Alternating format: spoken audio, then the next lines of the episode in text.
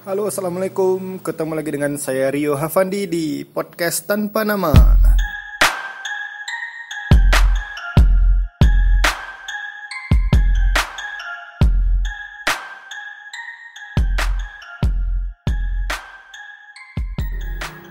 Baik, udah lebih dari dua minggu, dua minggu atau tiga minggu ya, udah nggak rekaman lagi karena ya biasa penyakit ketidakkonsistenannya muncul lagi. Jadi dulu tuh saya pengen uh, apa bisa rekaman podcast sekali dua minggu, tapi ya nggak pernah tercapai, nggak apa-apa. Yang penting sekarang bisa lanjut lagi Gimana kabar teman-teman? Udah udah mau masuk bulan April, sekarang udah 30 Maret 2018, sudah berjalan waktu 3 bulan. Gimana resolusi 2018-nya? ya udah mau masuk bulan April. Hmm, kayaknya perlu dicek-cek lagi nih resolusi kita uh, yang udah dibikin di bulan Januari lalu. Kalau sejujurnya kalau saya pribadi sebenarnya saya nggak bikin karena biasanya resolusi uh, tahunan itu saya bikin pas masa-masa ulang tahun yang kebetulan baru-baru ini gitu tapi ya namanya tidak konsisten itu jadi apa ya? Kalau saya pribadi memang jadi penyakit yang nggak yang susah disembuhin gitu. Kalau dulu saya pernah bikin resolusi pengen nulis sekali seming sekali sekali sehari di blog. Ya tapi nggak kesampaian ya udah. Nggak apa-apa. Karena kita nggak tahu juga apa eh, resolusi kita tuh kata orang kan bikinlah resolusi yang realistis gitu ya kita nggak bisa ngukur gitu kita nggak bisa ngukur apakah resolusi kita tuh realistis atau enggak gitu jadi eh, kalau kalian gimana kalian mungkin kan ada orang yang suka bikin target per apa target bulanan target tahunan gitu Kalian masuk orang yang suka nulisin target atau menjalani kehidupan dengan mengalir aja? Ya beda-beda ya. Ya nggak apa-apa gitu. Karena memang saya juga pernah nonton itu video uh, apa? Video TEDx Talk gitu. Uh, yang ngebahas tentang kalau nggak salah itu direct Derek Sivers namanya Derek coba mungkin di YouTube kayaknya ada kemarin itu saya nonton di aplikasinya di TED di TED Talks itu Derek Sivers uh, judulnya tuh Keep Your Goals to Yourself gitu intinya sih dari dari penyampaian si Derek Sivers ini dia bilang bahwa orang-orang yang nulis targetnya itu kecenderungan untuk tidak melak tidak apa kecenderungan tidak melakukannya atau merealisasikannya lebih besar gitu. Sebenarnya bukan keinginan si si pembuat target, tapi karena memang dia uh, apa secara psikologis mungkin ya ketika dia nulis target itu itu dijadiin beban gitu. Nah, ketika dijadiin beban, akhirnya dia jadi kesulitan sendiri gitu. Jadi waktu itu kalau nggak salah di ada penelitiannya ada sekitar 160 orang, kemudian dibagi dua tersebar di beberapa kota. Kemudian di di di masing-masing orang itu bakalan dibagi dibagi dua ada yang satu nulisin targetnya kemudian yang satu lagi nggak nggak nggak menuliskan bukan nggak nulisin tapi lebih tepatnya nggak diumumin gitu. Jadi eh, setengahnya tuh dia mengumumkan kepada orang-orang terdekat bahwa dia bakalan eh, punya target yang kayak gini gitu. Kemudian yang pihak yang satu lagi dia nggak nggak menyampaikannya gitu. Nggak mengumumkannya gitu. Nah ternyata setelah diteliti orang-orang yang tidak mengumumkan komitmennya tadi malahan yang lebih uh, banyak ya apa sukses gitu. Bukan sukses tercapai targetnya gitu.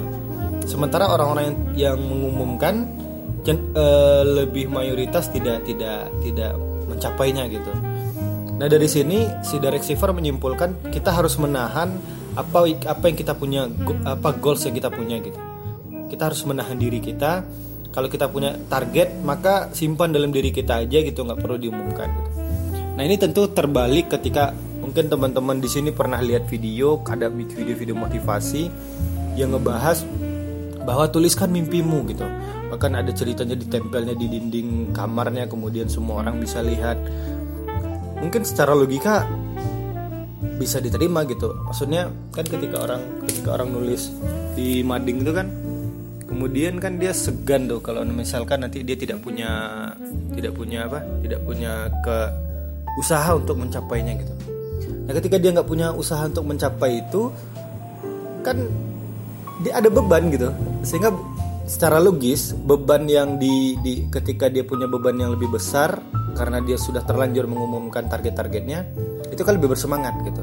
Kan secara logis kayak gitu. Tapi ternyata di di kata Derek Sivers pada saat itu ter, sebaliknya gitu. Malahan orang yang tidak menyampaikan impiannya ke, atau target-targetnya kepada orang lain malahan lebih bersemangat gitu.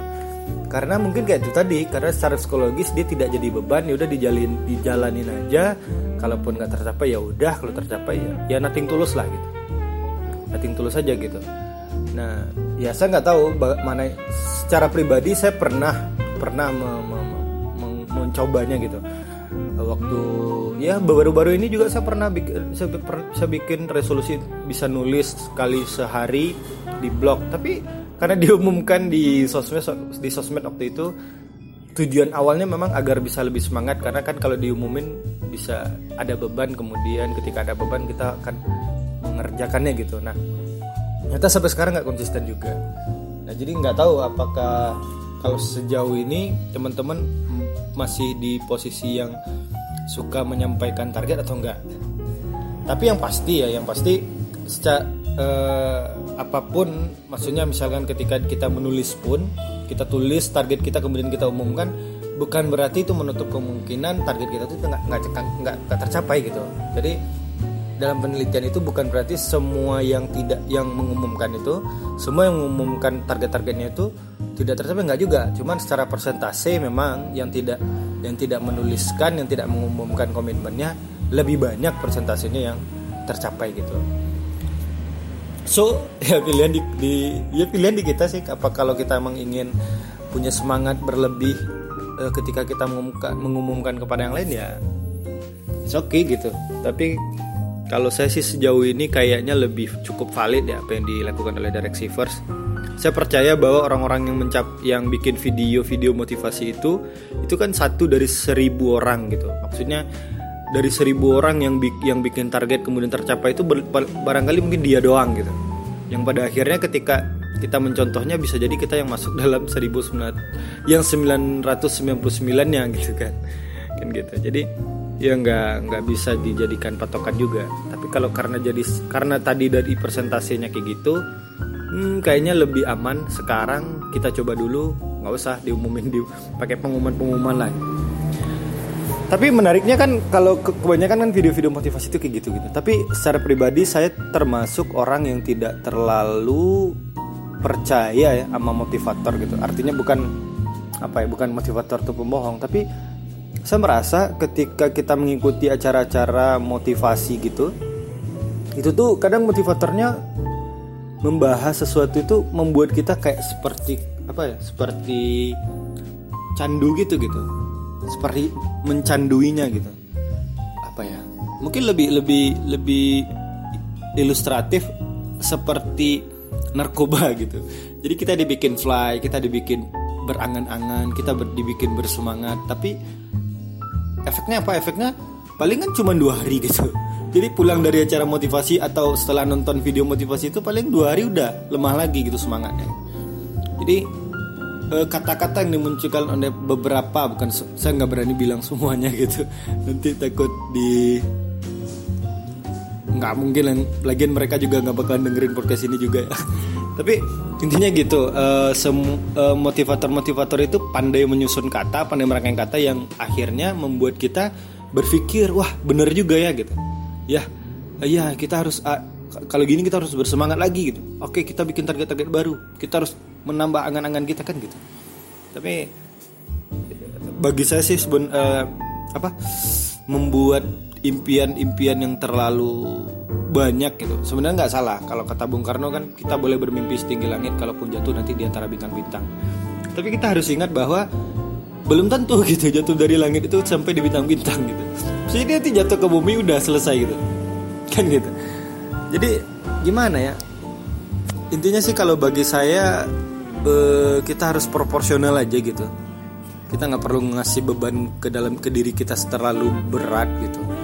Artinya kalau kita ingin mendaki gunung ya udah kita nggak usah bawa ransel yang begitu banyak yang memenuhi tas kita yang pada akhirnya membuat kita menjadi berat untuk melangkah ke ke puncak gitu. Lah ini kok malah saya jadi motivator nih.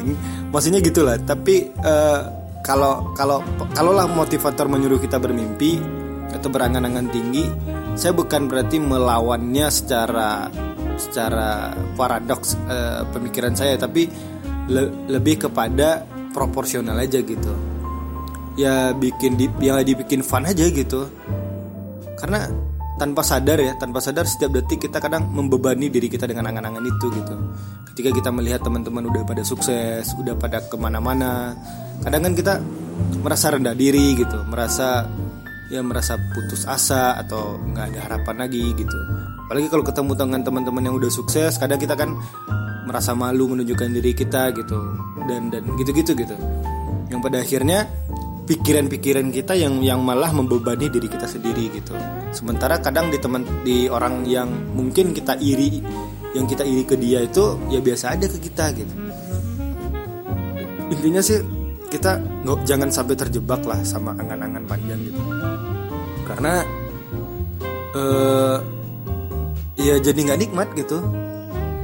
Nggak nikmat kita menjalani hari-hari kita akhirnya kan karena kita harus memenuhi resolusi A, B, C, kemudian kita ingin ini, ingin itu.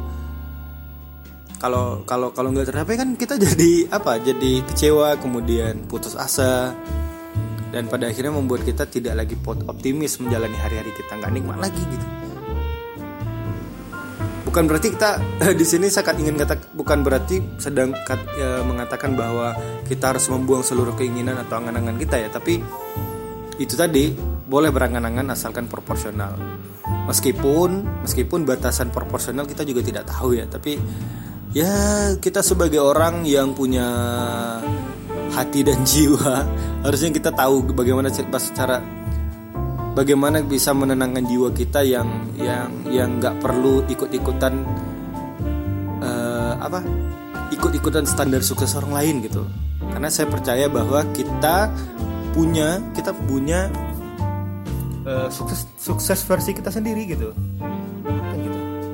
Jadi uh, kalau misalkan kita melihat contohnya ke teman-teman kita itu kan versi dia gitu. Kalau kita lihat teman-teman kita udah pada sukses. Jadi kalau kita kalau kalau kita fokus di situ terus gitu kita memakai standar orang lain terhadap ke pencapaian diri kita ya kita capek sendiri gitu. Uh, kalau kita, ya capek sendiri kemudian kita udah dibebanin dan kita nggak nikmat lagi jalannya hari-hari kita. Jujur kalau saya melihat teman-teman yang pada sukses ya udah gitu. Itu kan sukses versi mereka sendiri gitu. Kayak gitulah kurang lebih. Tapi saya salutnya sama orang-orang yang kadang apa kadang dia diam-diam ternyata udah sampai puncak gitu. Artinya dia nggak perlu umbar-umbar wah dia dia punya dia harus mencapai ini itu gitu. Tapi biasanya orang-orang kayak gini kan orang-orang introvert gitu nah orang introvert ini dia cenderung tertutup terhadap dunia luar. Artinya apa? Ketika dia ingin ingin sesuatu ingin ditargetin menargetkan sesuatu dia nggak perlu nggak perlu ngepost di sosial media nggak perlu ngomong ini itu ke teman-teman dekat dan seterusnya gitu. Jadi ya saya jadi ingat seorang uh, ada teman saya waktu SMA tuh dia tuh uh, di sering dibully gitu sering dibully karena dia tuh kurus gitu kurus krempeng gitu kan. Jadi dia sering dibully sama teman-teman karena fisiknya yang terlalu krempeng. Dan ternyata beberapa waktu lalu saya lihat Instagramnya karena udah udah lama nggak ketemu ya udah tamat sejak tamat SMA mungkin nggak pernah ketemu lagi. Ketemu Instagramnya ternyata dia udah itu jadi apa udah sering ikut fitness jadi udah six pack gitu. Saya jadi saya jadi malahan kalau ingat ketika dia dibully jadi nggak nggak apa gitu. Kembali ke kitanya gitu. Malahan dia yang bisa sekarang membuli kita gitu kan. Dan menurut saya motivasi teman saya ini bisa kayak gitu sekarang barangkali karena dibully itu juga gitu. Artinya dia dia punya semangat sendiri uh, untuk membuktikan kepada orang lain bahwa dia tidak krempeng gitu kan. Nah biasanya orang-orang yang kayak gini tuh nggak mengumumkannya gitu. Tapi dia berusaha sendiri dan dan dan mencapai impiannya menurut versi dia sendiri gitu. Apaan sih omongan saya hari ini? Nggak nggak teratur banget. Tapi intinya itu ya teman-teman uh, uh, coba dicek lagi mungkin gimana uh, daftar target-targetnya. Ya boleh kan boleh bikin target. Tapi yang usah diumumin kemudian harus proporsional ya realistis. Lagi-lagi meskipun kita nggak tahu proporsional dan realistis itu nggak nggak nggak tahu gimana tapi yang pasti kita harus nikmatin hmm, nikmatin nikmati aja gitu hari-hari kita. Saya percaya bahwa akan ada selalu mukjizat dari Tuhan di tiap hari-hari yang kita lalui asalkan kita tetap uh, selalu dekat dengan Tuhan kemudian selalu rajin berdoa. Iya insya Allah lah kok jadi tauji nih jadi tausiah saya di sini. Ya intinya gitulah. Lah baru 15 menit mau bahas apa lagi ya?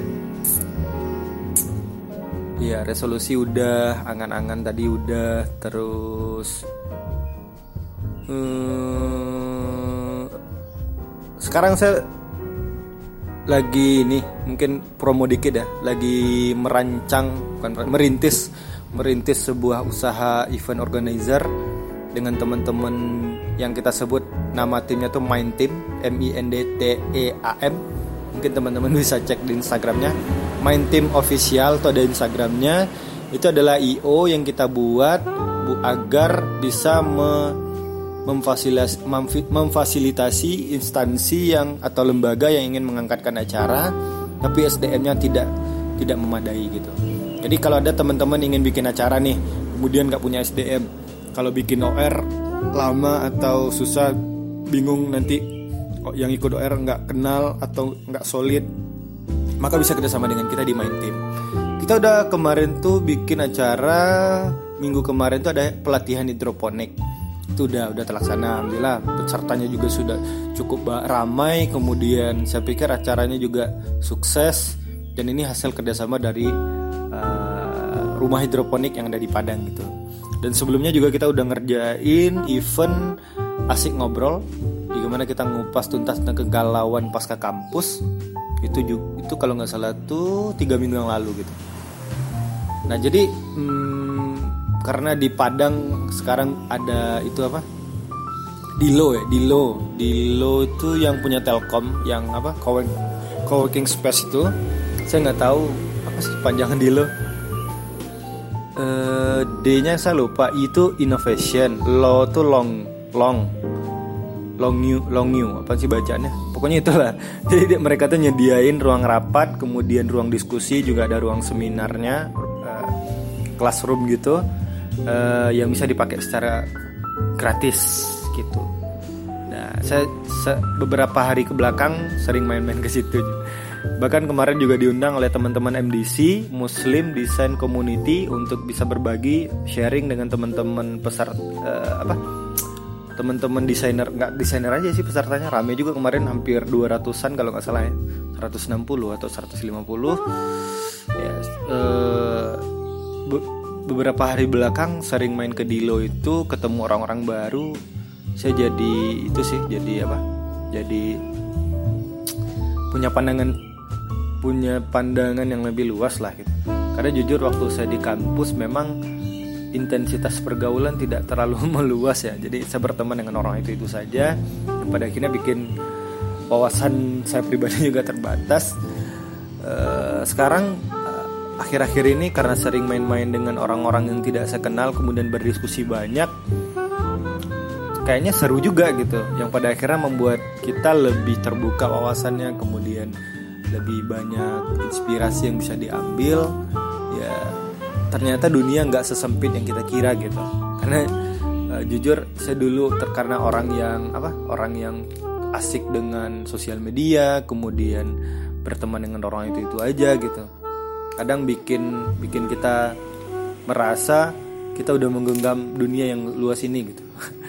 Lebay ya. Tapi ya gitu gitu. Tapi setelah bertemu banyak orang kemudian kita ngobrol ikut diskusi karena menurut saya sosial media nggak bisa menggantikan sih uh, hasil tatap muka dengan orang-orang yang yang barangkali bisa kita ajak diskusi gitu. Kita bisa aja diskusi di WhatsApp kita bisa aja diskusi di di di, di Instagram gitu. Tapi ketika kita tatap muka dengan orang-orang itu menurut saya itu lebih apa ya lebih lebih berisi aja gitu. Uh, yang bikin kita punya pandang cara pandang baru dan ya seru sih. Uh, tapi saya nyesel juga kenapa Telkom baru bikinnya sekarang. Karena kalau waktu masa-masa di kampus dulu mungkin lebih apa ya lebih, karena masih ya masih belum ada tuntutan yang banyak ya paling tuntutan kuliah. Jadi makin bisa lebih produktif lagi bikin berkarya berkarya di di, di sana gitu dan minggu kemarin itu acara MDC itu saya diundang untuk bicara tentang media atau tentang gimana sih mengelola sosial media atau kreatif ber, berkreativitas di dunia di dunia digital lah gitu. Saya masih ingat ada salah satu peserta yang nanya konten apa sih yang yang paling laku sekarang di generasi muda gitu. Terus saya jawab e, sebenarnya kalau ingin laku ya ingin secara kuantitas kita disukai paling gampang bikin konten tentang nikah gitu. coba aja bikin gitu bikin apa bikin seminar tentang nikah bikin tulisan tentang nikah bikin uh, desain grafis tentang nikah atau tentang kata-kata baper ini nikah atau cinta-cintaan uh, tentang relationship uh, cinta-cintaan gitulah yang bikin sajak-sajak baper misalnya itu lebih laku gitu tapi kan kita kan nggak ngejar itu ya. Kita kan nggak ngejar uh, laku aja gitu. Tapi bagaimana kita bisa mengedukasi juga orang-orang penikmat karya kita gitu. Karena kalau sekedar laku ya kita sama dengan yang lain gitu. Artinya uh, saya kemarin kasih contoh ke ke peserta pada saat itu. Contoh di televisi aja gitu. Apa sih rating tertinggi sekarang? Televisi mana sih ratingnya tertinggi gitu? Kita bisa cek rating tertinggi TV yang ratingnya tinggi. Kemungkinan besar acaranya tuh memang mengejar pasar kuantitas itu mayoritas itu. Dan mereka ngejar iklan gitu. Nah sementara kalau kita berpatokan terhadap mayoritas itu nggak nggak nggak itu nggak apa ya? Nggak agak kurang sinkron dengan kualitasnya gitu. Acara-acara yang secara kuantitas banyak ditonton biasanya tidak terlalu menonjolkan kualitas gitu. Ya karena karena itu juga mungkin uh, saya nggak terlalu percaya dengan demokrasi ya. Ya gampang aja gitu. Misalkan nih anggota dewan nih anggota anggota kan kita nih demokrasi kita memilih calon legislatif. Nah anggota dewan yang terpilih itu saya yakin bahwa tidak semuanya punya kapasitas itu tapi karena kita pakai patokan kuantitas yang bisa mengelola masa yang bisa punya masa banyak kemudian memiliki pemilih yang banyak nah biasanya se bukan biasanya sih e, sebagian secara kualitas dia tidak terlalu bagus gitu. Ya gimana? Kita udah nyerahin negara kepada mereka untuk diurusin ya udah. Ya kayak gini lah sekarang Indonesia. Wise ini makin berat nih bahasan nggak saya bukan berarti ingin menjelekan anggota dewan ya tapi pada intinya memang e, ketika ketika kita menyerahkan keputusan pada suara terbanyak maka cenderung keputusan itu tidak terlalu bagus gitu karena suara satu orang yang tidak punya pengetahuan malah disamakan dengan orang yang memiliki pengetahuan gitu bener gak? bener? simpelnya gini lah misalnya ada populasi nih di suatu daerah ada seribu orang misalnya seribu orang di satu di satu desa. Nah kalian coba pikir seribu orang tuh pasti nggak semuanya yang punya intelektual yang tinggi gitu. yang intelektual yang yang ditinggikan lah gitu. Atau secara pendidikan dia tinggi gitu. Atau secara secara gagasan dia bagus gitu dari seribu orang. Pasti orang-orang yang biasa-biasa aja itu kan lebih banyak gitu lebih mendominasi gitu. Kayak gitu gitu ya mungkin kayak kita di sekolah lah. Kan kalau di sekolah waktu saya SD itu kan yang juara-juara kelas tuh paling cuma tiga atau empat orang. Yang selebihnya ya yang kayak kita gitu. Yang tidak terlalu memprioritaskan prestasi dan seterusnya gitu. Nah jadi seribu orang tadi yang di, di desa itu e, ternyata ada 100 anggap anggap 100 orang yang punya daya intelektualitas yang bagus. Nah, kan 900 lagi enggak. Nah, ketika dia ada voting, maka suara di 900 bisa ngalahin yang 100 ya. Gitu gitu. Logikanya gitu gitu. Jadi gitu juga dengan konten-konten di sosial media yang viral-viral itu kan yang aneh-aneh gitu. Karena kita karena viral itu kan identik dengan kuantitas yang banyak, kemudian penyebarannya uh, dari segi jumlahnya banyak, ya kalau kita ingin laku ya ngikutin selera pasar yang banyak kayak gitu gitu tapi kalau kita ingin kayak ingin bikin ingin bikin konten yang mendidik ya kemungkinan besar agak susah untuk laku tapi itu ada ada uh, ada unsur edukatifnya gitu. Ada unsur edukasinya di situ. Ya kita tergantung di kita gitu. Saya jawab kemarin gitu. Kita kita bisa aja bikin konten apa pun di sosial media. Apa kita ingin cari pasar yang mayoritas atau kita mau nyari yang secara kualitas gitu. Yang bisa mengedukasi uh, pasar gitu. Ya udah ke mana-mana nih bahasan kita ya. Uh, ya saya, saya tahu saya merasa mungkin bahasan kali ini juga tidak terlalu relate mungkin dengan teman-teman tapi uh, ya saya saya nggak tahu juga mau bahas apa lagi karena kemarin sebenarnya ada banyak bahasan. Saya saya udah tulis di kertas di kertas. Nah kertasnya ini hilang gitu jadi ya udah uh, oh ya mungkin saya juga terima kasih dulu lah terakhir nih. Terima kasih buat teman-teman yang masih setia ngedengerin podcast tanpa nama ini. Saya berencana pengen bikin podcast tanpa nama ini bisa berdiskusi dengan orang-orang dengan toko-toko yang di Padang. Bisa kita ajak diskusi. Kalau teman-teman punya saran siapa yang harus saya wawancara di podcast ini mungkin bisa DM saya di Instagram @riohavandi. Nanti saya bakalan cari atau usahakan bisa ngewawancara orang-orang yang di itu kan yang diminta, yang di request gitu. Dan ya itu saja mungkin untuk hari ini. Terima kasih yang masih dengerin. Mudah-mudahan bisa konsisten dua minggu lagi kita ketemu tapi sebenarnya nggak harus pakai pola gitu ya kalaupun nanti minggu depan saya ingin rekaman kemudian minggu depannya saya libur kan nggak masalah juga gitu ya ya tadi kita kita lihat nanti aja. Ya itu saja mungkin. Terima kasih teman-teman yang udah dengerin. Assalamualaikum